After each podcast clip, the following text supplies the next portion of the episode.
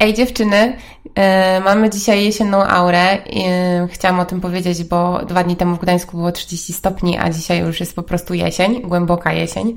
E, moim gościem jest Agnieszka e, i chciałabym Wam przedstawić Agnieszkę E, jakoś bardzo konkretnie, natomiast e, już tak sobie pomyślałam, że nie mogę jej w żaden sposób szufladkować, bo jest tak e, niesamowicie kolorową osobą i wyemancypowaną kobietą, taką współczesną. I ma tak duży wachlarz zainteresowań, że no byłoby to dużym błędem, gdybym Wam ją przedstawiła w jakiś bardzo określony sposób. W związku z tym postanowiłam, że Wam ją przedstawię jako prawniczkę, entuzjastkę literatury i piękna, działaczkę e, społeczną, myślę, że na rzecz praw kobiet i myślę, że też mężczyzn. Agnieszka się śmieje, e, ale też e, no, niesamowicie kreatywną osobę, która e, również działa razem ze swoim partnerem pod pseudonimem Tosia i Niedźwiedź i tworzą wspólnie piękne sesje zdjęciowe. Witaj Agnieszko. Witaj Olu, witajcie dziewczyny, bardzo dziękuję za ten piękny wstęp. Dzisiaj będziemy rozmawiać na taki, mm, no myślę, że trudny temat i dosyć melancholijny, więc pogoda nam sprzyja, dlatego też o niej wspomniałam, mhm. bo będziemy mówić o rozstaniach. Tak. będziemy mówić o tych rozstaniach, dlatego że Agnieszka na co dzień e, jako prawnik e, zajmuje się głównie e, prawem rodzicielskim, dobrze mówię? Prawem rodzinnym. Oj, mhm. dobra, prawem rodzinnym. rodzinnym.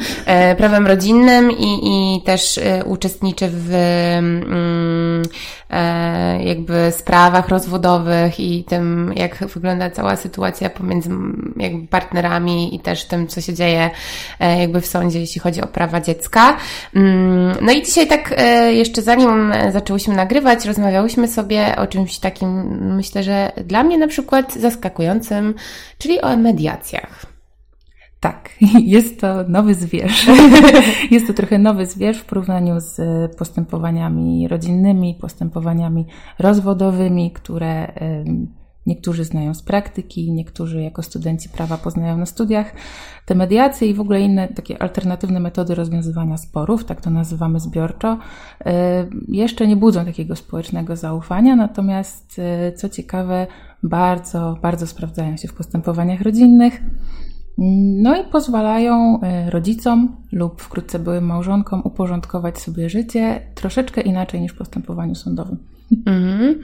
I mm, ja też y, chciałabym się zapytać y, tak, y, bo w moim odczuciu mediacje to są takie, to jest taka sytuacja, gdzie dwie strony idą jeszcze o coś zawalczyć. Zawalczyć no pewnie też o swoje jakby dobro, czy dobro dziecka i jakiś tam może też dobrobyt materialny, natomiast mm, nie zawsze oni tam idą walczyć po to, mhm. żeby być razem. Mhm. Mhm. Faktycznie jest tak, że mediacje mają coś w sobie z negocjacji, zwłaszcza, że pojawiają się tam osoby, które przecież niesione są jakimiś konkretnymi emocjami. Mhm. I często może być to właśnie takie ogromne poczucie rozczarowania, nawet niekoniecznie tą osobą, tylko tym, że coś, co miało w życiu się ułożyć, po prostu się rozpada mhm. i trzeba ułożyć jakiś scenariusz B dla okay. siebie i dla dzieci. Do tego dochodzi też na przykład e, chęć zemsty, odwetu.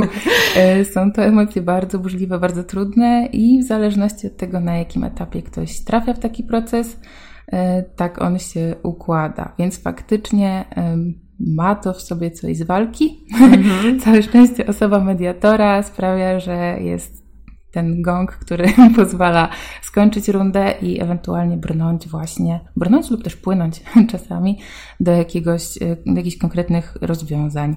No i, i faktycznie druga kwestia to to, czy mediacje pozwolą nam się ewentualnie pogodzić. E, bywa i tak, natomiast nie jest to zasadą. E, myślę, że częstym, częstym błędem jest myślenie, że mediacje mają na celu pogodzenie nas, tak może być faktycznie, natomiast e, mediację można prowadzić w dwóch kierunkach, zwłaszcza te rodzinne, w kierunku rozstania lub e, ewentualnego pojednania, jeżeli dwie osoby mhm. chcą właśnie w tym kierunku próbować. Mhm. A oprócz no, takiego, powiedzmy, no, finalnego y, rozstrzygnięcia, tak, czy że się rozstajemy, mhm. to też y, co się ustala na takich mediacjach? Mhm. Tak konkretnie. Dobrze. Jeżeli mamy do czynienia z rodzicami, mhm. mówimy na przykład o kwestiach władzy rodzicielskiej, czyli na, na, na przykład, czy na jakie tematy oboje rodzice będą decydować y, w pełni, wspólnie mhm czy na przykład jakiemuś rodzicowi będzie przypadać zdecydowanie w określonych tylko sytuacjach, tak? Mm, określa się na przykład miejsce pobytu dziecka, mhm. czyli czy dziecko zostaje przy mamie, czy może przy tacie. E, wysokość alimentów, no i bardzo ważne i myślę, że przysparzające najwięcej emocji to kontakty z dzieckiem, mhm. E, czyli właśnie podział, e, podział czasu, który każdy z rodziców spędza z dzieckiem. I tu jest właśnie bardzo duża rola i rodziców, bo wymaga to dużej dojrzałości, pracy nad emocjami, żeby uszanować, że dziecko potrzebuje mamy i taty, mm. jak i mediatora, który musi poczuć, kiedy powiedzieć e, halo, wasze mhm. dziecko e, chce mieć mamę i tatę, chce dobrze myśleć o mamie i tacie i ma swoje potrzeby. One oczywiście z wiekiem mogą się zmieniać, mm, dlatego takie ugody mediacyjne można z czasem też zmieniać i występować właśnie do sądu o, o zatwierdzenie nowych kontaktów, no i właśnie, no i właśnie tak, tak, tak można zostawić. A jeżeli nie ma dzieci, mhm. no to głównie podział majątku. Jeżeli komuś okay. na tym zależy, to, to tak. Czyli takie po prostu formalne spisanie tego, tak. kto co chce i mhm. co weźmie. E, mówisz to z takim w ogóle stoickim, e, stoickim spokojem, a ja sobie wyobrażam, że tam sceny są wprost z, jego, z jakiegoś e, melodramatu. No i chciałam tak podpytać, tak z Twoich obserwacji, mm, czy częściej emocjom dają się ponieść kobiety czy mężczyźni podczas takich mediacji? To jest bardzo ciekawe pytanie. I właściwie w pierwszej myśli wydaje mi się, że, że nie ma na to zasady tak naprawdę. Mm-hmm. Te emocje są inne, to prawda. W naszym gabinecie y, przeważnie na stole stoi paczka chusteczek mm-hmm. i mhm. y, częściej korzystają z niej klientki, to, to się zgadza. Y, no ale na to składa się wiele czynników. Y, myślę, że męskie emocje wcale nie są mniejsze, po prostu y, mężowie, ojcowie są nauczeni y, przez społeczeństwo mm. zduszać się w sobie. No i te męskie emocje są też inne, bo, bo bywają gwałtowniejsze, ale, ale to widać, że kosztuje to często tyle samo stresu obie strony. Mm no jest to, jest to, jest to trudne. Czyli powiedziałabyś, że raczej nie ma na to zasady Mm-mm. i często jest tak, że panuje taka równowaga tylko w innej formie trochę. Tak, tak. Myślę, że wszechświat uzupełnia tutaj. Czyli wciąż jest tak, że mężczyźni i kobiety się uzupełniają nawet na drodze jakiejś małej bitewki, albo może nie małej, tylko wielkiej. Te energie, tak. Tak. tak, tak. E, chciałabym też porozmawiać o takich kwestiach praw e, rodzicielskich, już teraz dobrze mówię, tak? Mm-hmm. Dobra. E, już skumałam te, te, te różnice. E, chciałam e, zapytać, bo mm, jakby trochę jest takie przeświadczenie, e, że jednak e, część, znaczy jest tak u nas w Polsce, tak, że jak gdzieś tam kobiety dostają częściej te prawa do dzieci. Mhm. No i tak chciałam podpytać z ciekawości, z czego to wynika. Sama nie jestem mamą, mhm. jakby nie, niewiele wiem, mhm. E, więc, więc mhm. bardzo mnie to ciekawi. Mhm. Że gdzieś tam się utarło, że zawsze mama dostaje te prawa, e, że tata raczej dostaje jakiś właśnie tam określony czas. Mhm który może spędzać z dzieckiem. E, no i też niejednokrotnie słyszymy w mediach takie historie, gdzie się no, jakby zdarzają porwania, tak, mm -hmm, przez e, jakieś tam zrzeszenie mężczyzn, którzy e, no, nie mogą się widywać ze swoimi dziećmi i wzajemnie sobie pomagają w tych uprowadzeniach. No co jest przerażające i mm, no tutaj jakby odczuwam ogromną empatię wobec mężczyzn. Tak, tak. No bo jakby uważam, że też powinni uczestniczyć w życiu dziecka. Mm, no i tak chciałam podpytać prawnie, jak to wygląda. To rzeczywiście są trudne sytuacje i najczęściej w tych, w tych najtrudniejszych jest tak, że składa się na to wiele, wiele czynników. Jeżeli chodzi o samą literę prawa, tutaj kierujemy się dobrem dziecka i jeżeli wszystko inne jest y, ok, jeżeli mm, na przykład sytuacja y, życiowa mamy mm. i mhm. taty jest na zbliżonym poziomie y, i na przykład y, dziecko jest w pierwszych latach życia, y, kiedy tą więź ma silniejszą z mamą. Na przykład było tak, że mama wyprowadziła się z dzieckiem, bądź tata opuścił dom rodzinny jakieś kilka miesięcy, kilka lat temu. Jest też tak, że dziecko się przyzwyczaja. Mhm. Więc mamy już jakiś zastany stan faktyczny, bada się dobro dziecka i jeżeli na przykład dziecko przyzwyczajone jest do tej sytuacji, to w takiej sytuacji po prostu y, to pozostanie. Natomiast y, jeżeli chodzi właśnie o tą więź najmłodszych dzieci z mamą, mhm. no jest właśnie ta kwestia traktowania mamy jako tego naturalnie pierwszoplanowego opiekuna, zwłaszcza w tych wczesnych latach życia. Potem się to zmienia. E, no i najważniejsze jest to, żeby wiedzieć, że takie miejsce pobytu dziecka można zmieniać w zależności od potrzeb dziecka, tylko po prostu muszą one zaistnieć. Trzeba je wykazać i, i rozpoznać przede wszystkim. Jeżeli mhm. dziecko tęskni, to można pomyśleć o rozszerzeniu kontaktów. W ogóle teraz. Y, Ale to wtedy któraś ze stron wnosi? Jakby... Tak, tak, okay. tak, tak.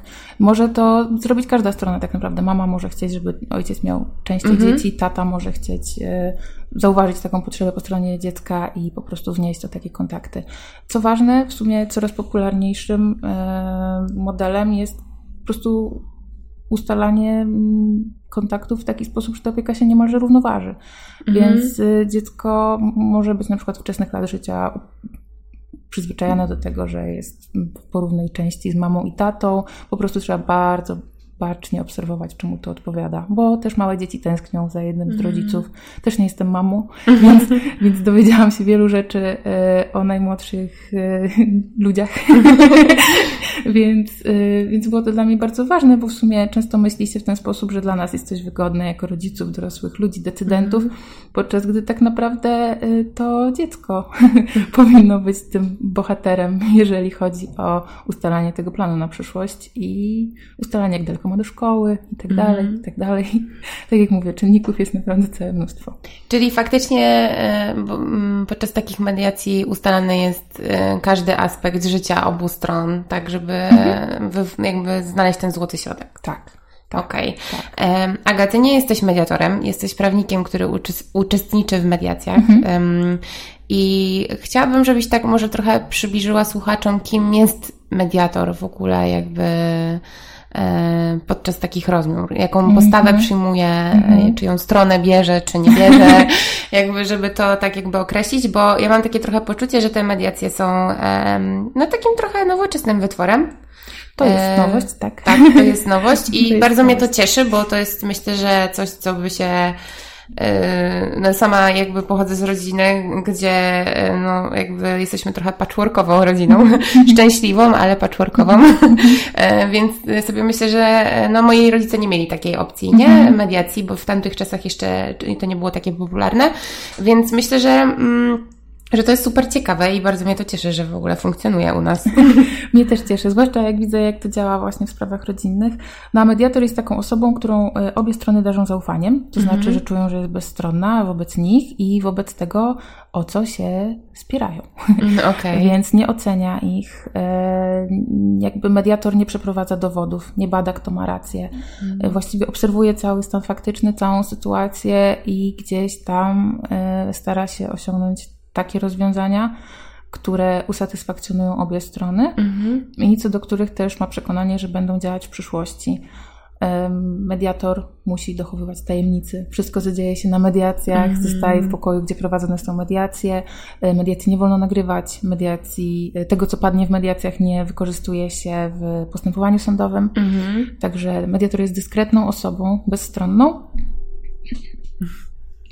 która, y, która ma właśnie takie zadanie, żeby utrzymując właśnie kulturalny i spokojny, znaczy spokojny, no po prostu y, w taki, w taki pełen szacunku sposób, mhm. Y, wyrażanie swoich racji, zderzanie ich i osiąganie jakiegoś rozwiązania. Musi też wiedzieć, kiedy na przykład przerwać, porozmawiać z jakąś stroną na, na uboczu, indywidualnie, po prostu wyczuć te potrzeby. Także to jest bardzo, bardzo miękkie, no i pozwala właśnie na poruszanie takich kwestii, które na przykład w, na sali sądowej nie, nie, nie mają raczej racji bytu. To są takie mm -hmm. wartości e, emocjonalne, które po prostu dotykają strony I, I właśnie tam jest na to czas i miejsce.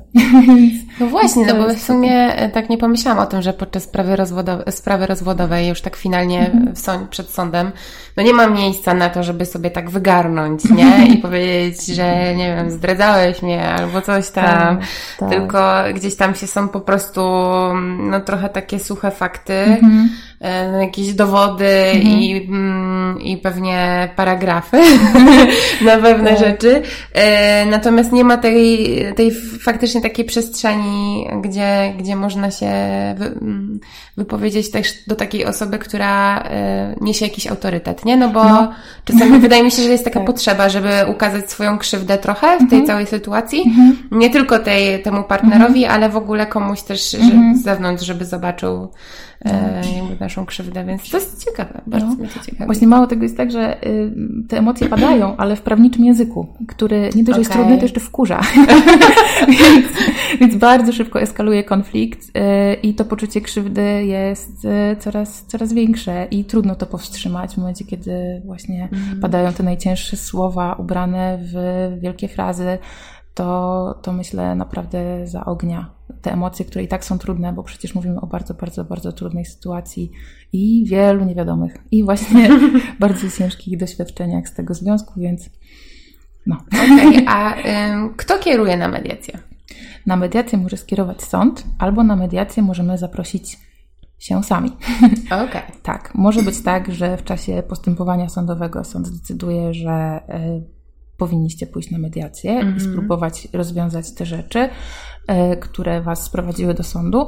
Może być też tak, że równolegle do postępowania albo właśnie um, jeszcze przed nim mm -hmm. pojawi się jedna strona, bądź przyjdą obie strony mediacji y, i stwierdzą, że chcą mediować. W takiej sytuacji albo podpisują umowę o mediację, mm -hmm. albo ta jedna strona, która przyszła, prosi o takie zaproszenie tej drugiej strony do mediacji, bo mediator też może pomóc zachęcić tę drugą osobę, żeby weszła do mediacji. Więc Super. Y, to jest takie, takie też ciekawe, że, że rozmawia się z mediatorem i ten mediator też troszeczkę wyjaśnia właśnie, że y, to nie jest w stronę pogodzenia, jeżeli nie chce ktoś pogodzenia i też tłumaczy właściwie, jakie mogą być tego takie szanse z tego płynące, tak? Że, że właśnie robi się to poza salą sądową. I, i tak. Są, są, są sytuacje trudne, które mm, myślę wymagają sali sądowej. Mhm. Być może w taki sposób, żeby nie naruszyć jakiejś tej równowagi stron w mediacji. To są sytuacje wyjątkowo trudne, więc, więc tak. Powiedz Agnieszko, e, ja Cię odbieram jako niesamowicie wrażliwą osobę. Jak Ty sobie w ogóle dajesz radę? Jakby, no tak jak już przed chwilą powiedziałam, mówisz o tym z takim spokojem. E, wiem, że to jest Twoja codzienność trochę mm -hmm. już teraz. Mm -hmm. Natomiast myślę, że jako młodej kobiecie wkraczać w taki mm -hmm. świat, gdzie mhm trochę tak jak e, też mówiłaś przed e, nagrywaniem, e, człowiek się zderza z takim mm, trochę rozmyślaniem, czy miłość istnieje. tak. no jakby, jak sobie po prostu radzisz na co dzień z tymi sytuacjami? Ach, to prawda, statystyki są okrutne. Staram się nimi nie myśleć. No jest, jest to przygnębiające. Jak sobie radzę? E, Hmm. Myślę, że bardzo wiele mi daje, że jestem w szczęśliwym związku. Mm. To na pewno jest ten fakt, że, że można wrócić do domu, który, który właśnie spełnia jakieś Twoje definicje tego, co to jest szczęście i szacunek mm. i spokój. To jest bardzo ważne najgorsze są dla mnie sytuacje i przyznam, że znoszę to ciężko, no bo to, to, to jest ciężkie. I, I, faktycznie jestem wrażliwcem, mm. więc e, najtrudniejsze są sytuacje, w których y, znajduję właśnie taką paralelę z moim mm. charakterem, z moim sposobem życia. Okay. I widzę właśnie, że y, ktoś no tak, no najczęściej są to kobiety. ciężko, ciężko, ciężko ukrywać, że nie, ale właśnie widzę, że, że ta relacja gdzieś wygląda tak, jak ja powiedziałam, że to jest fajna relacja, ktoś mm. opisuje ją i że nagle bam, koniec i podwójne życie i straszne odkrycia. Jest to, y, jest to trudne i, i, i nie ukrywam, że czasami też chciałabym skorzystać z tej paczki chusteczek na stole, y, ale, ale muszę sobie powiedzieć, że halo, masz swoje życie i trzeba się tego trzymać. Y, no i też. A zdarzyło Ci się rozpłakać podczas. Podczas nie. Okay. Podczas nie. Potem taka myśl, Boże, dlaczego ten świat jest taki niesprawiedliwy? Mm. Dlaczego ludzie obiecują sobie miłość i potem to nie wychodzi? Jakby to jest taka gonitwa myśli, od których trzeba potem się jakoś odciąć. Może z nimi pracować. to by było też pewnie mądre, ale, ale mm, o właśnie, obecność psychologów przy mediacjach. O, o, właśnie, a propos specjalistów, y, to, to zdecydowanie fajne jest to, że coraz więcej ośrodków oferuje mediację w towarzystwie psychologa. Super. I ci psycholodzy nam też na miejscu pomagają to trochę, trochę stonować, mm -hmm. także to jest, to jest ważne. Y, no i, i myślę sobie właśnie o, o jakichś wyborach, myślę o tym jako ogromnej szkole pokory dla siebie, mm, o tym, że nie można być jakichś rzeczy pewnych, że ktoś był pewny i, i, i, i doprowadziło to do jakiegoś rozczarowania, Mm, I, I to nie jest niczyja wina, po prostu tak mm. jest.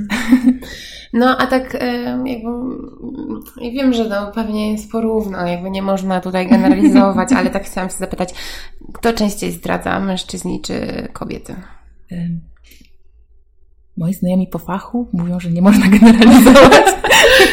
Okay, I że, i że nie zdradzają tak często kobiety i mężczyźni i za każdym razem, jak wydaje mi się, że jakiś mężczyzna jest ten najgorszy, E, to są gotowi, którzy zaoferują dwie historie na drugą stronę Okay. Także mhm. jest, to, jest to ciężkie. Nie wiem, no, tak jakoś, tak jakoś jest. Takie czasy. Czyli porównam, takie czasy, no to takie prawda. Czasy, no. E, chciałabym też poruszyć z Tobą taki temat męskiej wrażliwości. Tak. Bo e, o ile jakby na co dzień pewnie sama jako kobieta, e, też posiadająca przyjaciółki, mm. spotykasz się z wrażliwością mm. kobiecą, mm. jakby pewnie obie się spotykamy. Mm. No i znamy ją od podszewki, myślę. Tak. Natomiast e, Ty masz też taką okazję obserwować wrażliwość mężczyzn. Mhm. E, no i tak chciałam Cię podpytać, e, bo już powiedziałaś o tym, że jest e, im na pewno trudniej wyrażać emocje i wyrażają mhm. w inny sposób. Mhm. Natomiast um, uważasz, że to jest takie trochę przekleństwo naszych czasów, że mężczyźni są tak trochę zaszufladkowani, że nie mogą pokazać mhm. swoich słabości, że w takich mhm. sytuacjach właśnie jest to ich taką mhm. piętą achillesową? No, myślę, że z perspektywy mężczyzn to jest przekleństwo wszechczasów, że mm -hmm. są mhm. nauczeni w ten sposób walczyć z emocjami, właśnie walczyć, że to jest mm -hmm. ciągła walka, że oczekuje się tego, że byli w ciągłej gotowości i, i, właśnie nie okazywali tych chwil słabości i, i broń Boże łez. broń Boże łez, zwłaszcza jeżeli są mężami, ojcami y, i i ja rozumiem to poczucie niesprawiedliwości, kiedy właśnie na jeden argument feministyczny pojawia się dziesięć męskich głosów, że to mężczyźni są w tej ciężkiej sytuacji, bo nie wolno im niczego przeżywać i ciężko mi się z tym nie zgodzić, no bo, no bo faktycznie widzę sytuacje, w których to mężczyznę kosztuje ogromną ilość e, energii przepracowanie tych emocji, głównie dlatego, że wstydzi się prosić o pomoc. Mhm. Albo właśnie y, nie jest w stanie mówić o emocjach, dlatego generuje się jakaś taka agresja. I oczywiście mam w sobie w pierwszym odruchu złość, że y, skoro my, kobiety, poczyniamy taką ilość emocjonalnej pracy, żeby radzić sobie z naszymi emocjami i wyrażać je w sposób uporządkowany i niekrzywdzący, to dlaczego nie możemy tego oczekiwać od mężczyzn i dlaczego to się spotyka z taką barierą? No okazuje się, że nie ma na to uniwersalnej odpowiedzi, że jest pewnie coraz większa ilość fajnych, młodych facetów, mm -hmm. młodego pokolenia, którzy wiedzą, gdzie prosić o pomoc, którzy nie wstydzą się zapłakać i, i to jest fajne, to jest fajne, a niestety wciąż pokutuje pewien obraz tej męskości, która jest po prostu toksyczna i niestety rzutuje źle na rodziny, na partnerki, mm -hmm. partnerów.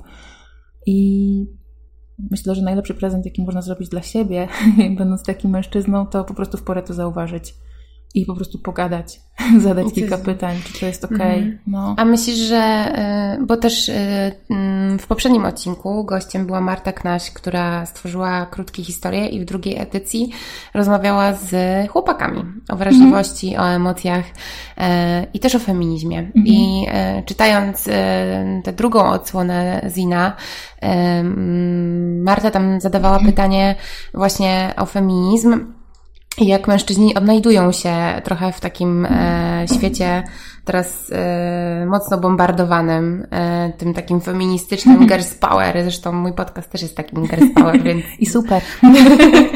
e, więc i większość z nich właśnie wskazała, że zmienia się jakiś układ sił i ciężko się mężczyznom w tym odnaleźć. Mhm. Mm, I czy ty myślisz, że ten, to takie zagubienie wynika z tego, że nikt im wcześniej tego nie pokazał? Że jakby w sensie nikt ich nie nauczył wyrażania emocji, stawiania trochę mm, artykułowania jakby swoich myśli trochę w inny sposób i mhm też um, jakby um, tego, że kobieta ma trochę więcej mm -hmm. praw, że może mm -hmm. jakby robić rzeczy równie dobrze mm -hmm. e, mhm. jak mężczyzna. Mhm. E, jakby, nie wiem, trochę się rozwlekłam z tym pytaniem. Nie, ale rozumiem, właśnie. Mm, jakby chodzi tak. mi o to, y, bo, bo ja mam takie trochę poczucie, że żyjemy w takim, bym powiedziała, w takim momencie przejściowym, takim mm -hmm. pokoleniu, gdzie musi się dokonać jakaś taka tranzycja, tranzy, jak to się mówi? jakaś taka zmiana. Tak. Taki jest to okres przejściowy, w którym, no niestety nasze pokolenie trochę bardziej testuje i się mm -hmm. uczy. I tak nie wiem, mam takie poczucie, że moi koledzy myślę, że y, będą, po, mam nadzieję, tak myślę, mm -hmm. że będą potrafili swoich, y, swoje dzieci wychować w taki sposób, swoich synów, y, że możecie płakać, możecie tak. mówić, co was boli, że tak. nas, że ich jakby tego nikt wcześniej nie nauczył. Myślę, że z tego się właśnie bierze takie duże poczucie niesprawiedliwości, mm. kiedy pojawiają się takie komunikaty właśnie Pierwszy komunikat jest o toksycznej męskości i mhm. kiedy ktoś słyszy właśnie takie hasło, odbiera to jako atak. Więc myślę, że i właśnie takie zwiększanie takiej samodzielności kobiet i waleczności i mówienia głośno o tym, co jest niekomfortowe, podczas gdy przez stulecia mówiłyśmy, znaczy chowałyśmy to w mm. sobie, bo jesteśmy stworzone, by było nam nie do końca wygodnie I, i byśmy się przy tym uśmiechały. Y, myślę, że to wszystko odbierane jest jako atak y, i dla niektórych osób niestety każda doza takiego komunikatu to będzie za szybko, za dużo, mm-hmm. ale wymaga to pracy i po prostu liczę na przyszłe pokolenia. Natomiast y, to było bardzo długie pytanie i się zastanawiam, bo na bieżąco mówiłam tak, tak i, i przychodziły mi kolejne myśli. Natomiast jeżeli chodzi o, o to uczucie takiej jakiejś, zachwiania, tej równowagi, mm-hmm. tego, że jest nagły trochę brak scenariusza co do mm-hmm. tego, mhm. co wypada, czego nie wypada, y, to jest jakiś pewien rodzaj stresu, że po prostu ten obraz księcia na koniu, którym -hmm. masz być, gdzieś tam się zmienia i nie wiem, możesz pomóc czasami dziewczynie podsadzić ją na tego konia i mhm. jedzie sama i gna przez pola. Jestem zszokowana ale, po prostu... Ale jest piękne. Wyobraziłam to właśnie sobie i się tak rozmarzyłam i pomyślałam sobie, że to mogłoby być we Francji na tak, przykład. na przykład, właśnie, właśnie, jakimś pięknym, pięknym szkockim pastwisku na przykład też. Ale, ale właśnie, no tak, myślę, że jest jakiś czas szoku, zmiany, oczyszczania atmosfery po prostu, bo coraz więcej wspaniałych kobiet odważa się mówić o takich drastycznych sytuacjach, które je spotykały i na które nie było przestrzeni, żeby o nich powiedzieć. I dopiero teraz czują się bezpiecznie i jakby każdy głos, że się im nie wierzy, mnie wkurza i mm. sprawia, że mnie coś boli w środku, bo wiem, że to są takie subtelności i tak znaczy subtelności w tym sensie po prostu dotykające ich najgłębszych zakamarków duszy i ich jakichś najbardziej intymnych cierpień. I każdy głos, który po prostu to niweczy i bagatelizuje, y, sprawia, że czuję, że ten świat nie jest dobrym, bezpiecznym miejscem, ale z drugiej strony, kiedy zdaję sobie sprawę, że jest na to przestrzeń, że pojawiają się te głosy, to znaczy, że jest zmiana i mhm. coś raz powiedziane sprawi, że ktoś się zastanowi i, i, i po prostu będzie trzeba zmienić to, mm. jakim się jest mężczyzną w sytuacji władzy na przykład. Ale właśnie e, ciekawe jest to, że Marta też w ostatnim, tak e, przepraszam, ale tak ten temat mm. e, Marty jeszcze super e, tutaj nam się e, przytoczył. E, powiedziała mi, że w Zin, Zin krótkie historie odsłona dla chłopaków nie spotkał się aż z takim wielkim zainteresowaniem, mm-hmm. jak, jak pierwsza odsłona mm-hmm. o mhm. dziewczynach. E, I gdzieś tam mam takie poczucie, że no dziewczyny po prostu wzięły sprawy w swoje ręce. Mm-hmm. Głośno mówią o, o mhm. swoich potrzebach, o mhm. swoich prawach, e, o tym, że chcą być takie, jakie chcą być i nikt im tego nie może narzucać. I tak um, nawet um, doszłam do takiego wniosku i takiego przemyślenia, że te social media są takie trochę bardziej sprzyjające kobietom. Mm. No, że jakoś tak ten na przykład Instagram, że jakoś tak łatwiej jest nie wiem, czy to wynika z większej wrażliwości mhm. kobiet, znaczy nie chcę generalizować, ale że, że jakby gdzieś tam ten głos e, kobiecy się bardziej przewija, e, przebija. Mało jest takich ruchów takich męskich na tym Instagramie. Mhm. To prawda, dopiero właśnie się pojawiają jakieś głosy, które podnoszą same kobiety, na przykład właśnie o problemie, problemie męskiego body shamingu. Na przykład. Ale nie uważasz, że to jest trochę absurd? Na przykład też, e, kiedy kobiety mówią o męskości, o kryzysie męskości. Znaczy, z jednej strony mhm. jakby rozumiem, że chcemy brać e, udział w tej dyskusji, ale niejednokrotnie w tej dyskusji nie ma głosu męskiego, co mnie tak e, zaskakuje mocno. Nie wiem właśnie z czego to wynika. Może właśnie to jest ta kwestia dyskomfortu, w ogóle mówienia mhm. o tym, że jest jakikolwiek kryzys na przykład i, po prostu tak się jakoś odżegnuje ten problem. Myślę, że kryzys, kryzys męskości, tak mam wrażenie, jeżeli chodzi o męską optykę, pojawia mi się w internecie, jeżeli chodzi o winę feminizmu. I, głównie, I głównie wtedy e, przewija mi się to jako no, moja wina. Wielka tak, wina. Tak. Tak płynnie przeszłaś do tego feminizmu i tak właśnie chciałam Cię zapytać, czym dla Ciebie jest współczesny feminizm? E, współczesny feminizm jest dla mnie tym, że mogę. Że mogę mhm. czuć się dobrze we własnej skórze, że mogę zajmować przestrzeń, że mogę powiedzieć coś głośno i że mogę usłyszeć jakiś dobry, mądry głos zwrotny, który będzie merytoryczny. Mhm. I że po prostu jestem na tym ringu na równi z innymi. to jest chyba takie, taki, taki właśnie power, no. Takie, takie uczucie, że, że nie muszę przepraszać, mhm. że nie muszę się kulić. To jest takie feministyczne credo. Myślę, że właśnie z tym feminizmem tak się zderzyłam na początku, dlatego tak mnie to zainteresowało, bo mm, bo jakoś tak człowiek ma, zwłaszcza dziewczynki, myślę, taką potrzebę zajmowania y, mniejszej ilości miejsca, mówienia czegoś ciszej, nie powiedzenia mm-hmm. czegoś za głośno, nie zaśmiania się za głośno. I, mm-hmm. i jakby jak dotarły do mnie głosy jakieś fantastyczne z internetu, chyba z internetu, no bo, mm-hmm. no bo skąd, e, to, to właśnie stwierdziłam, ej, to jest, to jest nowa myśl, to jest fajne, to jest coś, to jest taki kierunek, w którym, w którym warto rozwijać swoje myślenie, no bo jest się, nie wiem, fajną, potrzebną dziewczynką i jeżeli ktoś ci tego nie powie, jak jesteś w szkole, y, to, to czasami można to przeoczyć i ma to smutne skutki, a feminizm to jest dla mnie takie bezpieczne miejsce. Mm -hmm. I, I, myślę, że, że, że to jest takie takie, takie ważne z punktu widzenia jednostki. No, ale to jest piękna definicja, bardzo, no, taka bardzo wrażliwa i emocjonalna. E, nie sprowadzona do tego, że umiesz sobie sama otwierać drzwi, tylko, tylko w zupełnie inny sposób. Bardzo mi się podoba, aż trochę rozmarzyłam. E, chciałam też, bo powiedziałaś o body shamingu. E, ja nie ukrywam, że ten temat mnie niesamowicie ciekawi. Ja mm. uwielbiam ten temat na Instagramie. I to nie jest powiedziane z ironią, po prostu uważam, że każdy może sobie wyglądać jak chce mm -hmm. i nikomu nic do tego. Mm -hmm. I um, chociaż dałam się wplątać i uwikłać trochę w świat Instagrama i narzucić na siebie bata, e, tak teraz staram się po prostu, e, tak jak ty też powiedziałaś o tym feminizmie, być być, być, tak. tak, po no, prostu być. No. No i tak e, chciałam Cię podpytać, e, czy, bo Ty też często bierzesz udział w tej dyskusji, ja propsuję zawsze. Można napisać. Tak, tak, tak, i bardzo szanuję to, że jesteś niesamowicie taką unikatową osobą, ale też mam wrażenie i tak jak Cię poznałam też przez naszego, e, Twojego partnera, mojego kolegę e, Radka, którego pozdrawiam. Pozdrawiam. E, no to powiedziałam Agnieszce, że jak ją poznałam, to sobie pomyślałam od razu, że po pierwsze, że to jest na maksa autentyczna osoba, że po prostu jest, że widać po, po tej dziewczynie, że ona jest na maksa po prostu w zgodzie ze sobą i robi wszystko w zgodzie ze sobą i ją nie interesuje nic innego i co ludzie powiedzą. Dziękuję, brzmi to świetnie. Po drugie sobie pomyślałam, że holy shit, muszę trochę uważać, co mówię.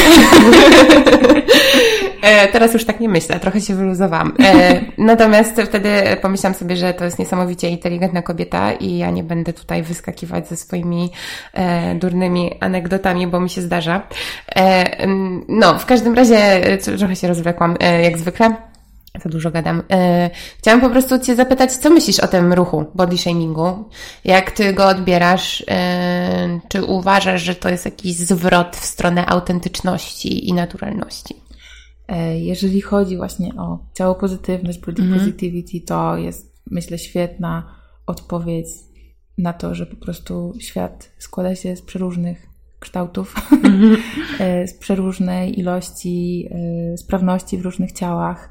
I fakt, że mówimy o tym głośno i odchodzimy od retuszowanych okładek, i od tej iluzji niesamowitego życia influencerek w rozmiarze do 36, mhm. co jest fantastyczne, też jest fantastyczne, mhm. ale, ale może być destrukcyjne, jeżeli staje się celem samym sobie, jeżeli chodzi o wygląd naszego ciała. Yy, tak, to jest, to jest, jest właśnie Albo jedynym słusznym obrazkiem, który można tak, pokazać. Nie? Dokładnie, mhm. więc jeżeli właśnie nie ma przestrzeni w ogóle na, na tę różnorodność piękną, mhm. którą mamy, to, to, to jest to po prostu przygnębiające i staje się jakimś takim imperatywem do bycia w ogóle. Mhm. Bo jeżeli, no, nasze pokolenie jest takie, że w sumie bez tego konta na Instagramie czasami ciężko się mhm. skomunikować z nimi, ciężko zaznaczyć swoją obecność. Jeżeli chce się nawet robić coś kreatywnego, to, to jest to ciężkie i okazuje się, że są jakieś ciała, które wypada pokazywać, inne to trochę obciach, albo właśnie straszna odwaga mhm. i, i, i to jest takie przygnębiające. Y, dla mnie to było odświeżające i takie też mrugnięcie do mnie od świata, że, że jesteś okej, okay, że, mm. że, że właśnie mm, są przestrzenie, gdzie, gdzie to jest pozytywne, gdzie to jest bezpieczne, gdzie twoje ciało jest bezpieczne i, i to jest świetne. Mm, no i też nigdy nie leżała mi kultura diet. Mm -hmm. Zawsze czułam właśnie jakąś taką, takie ukłucie w sobie, kiedy słyszy się gdzieś tam komunikat, o schudłaś o, tak dobrze sobie wyglądasz. To jest w ogóle straszna rzecz. Nie? To jest, właśnie to schudłaś to jest zawsze komplement, to jest zawsze, wiesz, to jest zawsze, ej, do przodu, fajnie. I to jakby... Jakby nie można powiedzieć, ej, ładnie wyglądasz. Albo nie no. wiem, bo, nie wiem, ja mam takie poczucie na przykład yy, moje własne, że... Yy, że jakby ten cały ruch body shamingu dał mi właśnie takie to poczucie bezpieczeństwa, tak jak ty powiedziałaś, ale mhm. też takiego dystansu do własnego ciała i ten dystans pozwolił mi stanąć obok mhm. i powiedzieć sobie, że stara, ty nie musisz mieć tego rozmiaru 36, tak. tylko jakby chodzi o to, żebyś zadbała o swoje ciało. Tak. I w zupełnie inny sposób niż te restrykcyjne tak. diety, chodzenie na siłownię 7 tak. razy w tygodniu. Jakby dla mnie to jest luz, jeżeli ktoś to lubi i kocha, mhm. natomiast no to nie jest moja natura. Mhm. moją naturą jest natura kanapowca i ewentualne długie spacery nocą, tak. natomiast e, no gdzieś tam przysiadywanie na siłowni nie, nie, nie jest czymś, co mi sprawia mm. jakąś ekstra frajdę. Natomiast teraz mam już trochę, trochę inne podejście, że okej, okay, sobie się wybiorę, się poruszam, bo to jest na przykład zadbanie o moje ciało, tak. które jest jakie jest, ale chcę o nie zadbać. Tak. I to mi daje body shaming. Body positive. Tak. Tak, no, tak, tak, tak, tak. No, właśnie to jest to fajna, ta fajna myśl, że Twoje ciało to Twój dom i mm -hmm. że ma Ci służyć i że to ciało jest dla Ciebie i nosi Cię codziennie, więc y, możesz o nie dbać, dlatego że je kochasz, dlatego mm -hmm. że jest mhm. Twoje, dlatego że daje Ci możliwości, daje Ci możliwość jedzenia smacznych rzeczy, daje Ci możliwość chodzenia nocą na długie mm -hmm. spacery, daje Ci możliwość dotykania, przytulania się i, i właśnie to ciało jest po tyle innych celów niż sprawianie innym jakiejś estetycznej przyjemności. Mhm. Właśnie nie, nie, będę ukrywać, sama nie jestem jakoś tam do końca codziennie super pogodzona z tym, mhm. jak jest. I, i, I, muszę sobie powiedzieć, że moje ciało nie jest po to, by sprawiać innym estetyczną przyjemność i powtórzyć to sobie trzy razy w SKMC w stronę pracy. Ale, ale generalnie jest tak właśnie, że jestem za to maksymalnie wdzięczna, bo myślę, że my dziewczyny dorastające w latach dziewięćdziesiątych jakoś tak... Yy, to jest dla nas nowość. Myślę, że dla naszych mam to jest nowość. Myślę, że dla starszych pokoleń to jest w ogóle coś już niemalże nie do przyswojenia. To jest jakaś fanaberia. To jest jakaś egzotyka. Myślisz? Myślę, że tak. Myślę, A myślisz, że to nie tak. jest trochę tak, że my to my jednak, y, no jesteśmy takim pokoleniem. Natomiast myślę, że i tak media, znaczy y, poniekąd się z tym zgadzam na takiej zasadzie, że na pewno media miały na nas duży wpływ i to, co się w nich kreuje. I też mam właśnie, bo ym, oprócz tego, że oprócz tego, że zajmujesz się prawem, także zajmujesz się fotografią. Mhm. Czy Twoje fotografie są starasz się, żeby były jak najbardziej realistyczne, jakby jakiś koncept, bo tworzysz mm. jakby duet z Radkiem, mm-hmm. Tosia i Niedźwiedź. Tak. Więc jaki jest Wasz pomysł? Nasz pomysł jest taki, żeby oddawać to, że dziewczyny mają swoje charaktery. Mhm. Na razie jesteśmy na etapie, kiedy faktycznie trafiają do nas y, głównie modelki, które mhm. onieśmielają mnie maksymalnie, no bo są to po prostu idealnie piękne, młode dziewczyny. Y, no ale każda z nich ma swój charakter, swoją historię i to staramy się pokazywać na tych fotach. Staramy się, żeby to było widać. Staramy się, żeby Y, jeżeli to są nastolatki, żeby było widać, że to są nastolatki i jakoś w tę stronę idziemy. Chcemy pokazywać ich piegi, chcemy pokazywać ich znamiona, nie usuwać ich pieprzyków. Y, chcemy, żeby dziewczyny były dziewczynami i to jest super. I żeby chłopaki były chłopakami, bo Radek mm. też fotografuje chłopaków i wychodzi to super. No, także, także tak. Y, no, a jeżeli chodzi o właśnie misję Tosi Niedźwiedzia, no to jest skrawanie tych sesji na miarę, po prostu mm na miarę tych osób, które nam zaufały i robienie z tego jakiejś fajnej historii. I w ogóle myślę, że, że opatrywanie jakimiś fajnymi słowami na przykład mm to by było fajne to rozwijać jakoś tak bardziej. Bo y, Agnieszka y, jeszcze y, w ogóle jest zazdroszcza. Zaczynam być bardzo zazdrosna, bo jeszcze niesamowicie pisze. O Jezu. Jestem dzisiaj po prostu tutaj jakby lukruję na maksa, ja wiem, ale po prostu no, jakbyście poznali Agnieszkę, to byście mnie zrozumieli. Mam nadzieję, że trochę ją poznacie po tym podcaście i to wybrzmi, jaką wspaniałą osobą jest. Natomiast no jeszcze świetnie pisze i Interesuje się literaturą, literaturą piękną, dobrze myślę? Myślę, że tak, no. E, z moich obserwacji, bo tak, wiesz, tak po prostu rzucam. E, no ale też kochasz muzea i w ogóle taki styl mm. vintage i ja no. to tak kocham no, i ja myślę, że jesteś z innej epoki, ale chciałam Cię zapytać o najpiękniejsze muzeum, jakie widziałaś. Najpiękniejsze muzeum, jakie mm. widziałam. Jezu, ja w ogóle myślę, że y, nigdy nie skończy mi się to marzenie, żebym chodziła po trzech londyńskich muzeach, po British Museum, mm-hmm. po National Gallery i po Muzeum Historii Naturalnej w Londynie. Mm-hmm. To są te trzy muzea, które mogłabym obchodzić non-stop, dlatego że myślę, że stalają się właśnie w taką historię malarstwa, w ogóle -hmm. dziedzictwa tego, czym jesteśmy jako ludzkość, co wszystko jest właśnie w Muzeum Brytyjskim, no i Muzeum Historii Naturalnej, gdzie zamknięte jest w ogóle piękno Ziemi i po prostu, Boże, jak sobie o tym myślę, że, że, że mam jakieś specjalne wykształcenie w kierunku historii sztuki, -hmm. ale po prostu muzea i historia to jest dla mnie coś takiego medytacyjnego. Ja w ogóle mam jakiś taki ogromny e, instynkt co do jakiegoś takiego sakrum miejsca i po mhm. prostu w muzeum e, mnie to absolutnie rozkłada na łopatki, że, że obcuje z historią, że nie wiem, dotykano tego kilkaset lat temu. No i, i, właśnie, że chodzę sobie korytarzami tuż obok tego i, i, i, mogę jeszcze w dodatku obserwować ludzi, którzy też się zderzają z tą historią i są tam tak samo jak ja i są tacy właśnie zawieszeni między stuleciami. I to jest takie wspaniałe, więc, więc ciężko jest mi sobie tego odmówić. E, no a że właśnie e, mam na tym punkcie trochę hopla, to nie muszę podróżować daleko, żeby się świetnie bawić. Także to, to wiele łatwiej. um, Okej, okay. a w Polsce? W Polsce. Kochałam nasze muzeum w Pałacu Opatów w Gdańsku. Mm-hmm. Mówię kochałam, dlatego że było przez długi czas zamknięte i właśnie mam nadzieję, że po remoncie wróci bądź wróciła, bo nie przyznaję, że nie wiem, chyba wróci na jesień, że pozostała tam ta skrzypiąca podłoga. no, no, także, także mam, mam takie swoje sentymenty, ale kocham Muzeum Narodowe w Warszawie które też przeszło remont i podobno nie najlepszy, więc moje serce też trochę się łamie. Tak, no i kocham Kraków, no, co mam powiedzieć, mm. kocham Kraków. Właśnie tam, tam w ogóle mój, mój radar e, ducha historii bardzo, bardzo mocno wibruje, więc, więc kocham takie miejsca i, i, i fajnie jest tak mi czuć taką ciągłość z czasem, z tego skąd pochodzę, że nie wiem, jakieś niesamowicie inspirujące osoby, inspirujące kobiety, malowały, zdobywały ten świat, który jest teraz dla mnie. To jest, to jest takie poruszające. No. Może trochę naiwne, ale, ale uważam, że, że to piękne. Że to tak. piękne, że, że, że zaszliśmy tak daleko jako ludzie i zostawiliśmy tyle pięknych śladów po sobie i można to badać e, i dowiadywać się coraz więcej o nas samych.